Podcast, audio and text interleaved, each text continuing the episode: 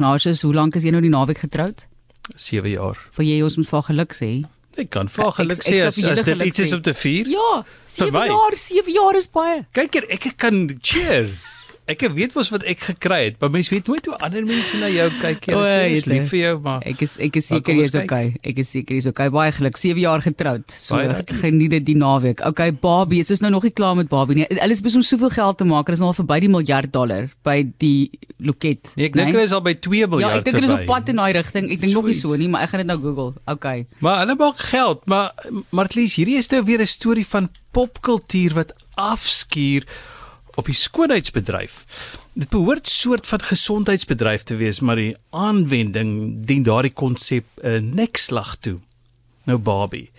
Dis nou nie die plastiese chirurgie waarvan ons praat nie. Hoewel ek al verskriklike foto's gesien het waar 'n vrou haar laat sny en spuit en oppomp en wat ook al om soos 'n lewende Barbie te lyk.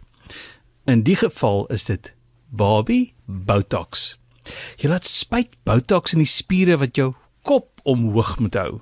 Die spuit maak dat jou skouers kleiner en fyner voorkom en jou nek martelie soos 'n kameelperd, lank en slank. Soos jy sal dink, is dit nou weer 'n ding op TikTok.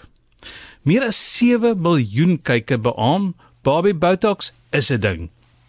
Die kommer is dat mense hierdie as 'n skoonheidskuur sien wat jy sommer by die salon kan kry, die haarsalon of die skoonheidssalon, want byvoorbeeld in die Verenigde Koninkryk word die estetiese bedryf nie gereguleer soos wat jy sou hoop nie.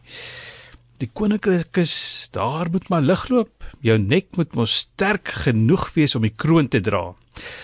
As hulle jou bietjie skeef spuit, kan jy nie eens jou kop ophou nie. Wat nog te sê om hoog hou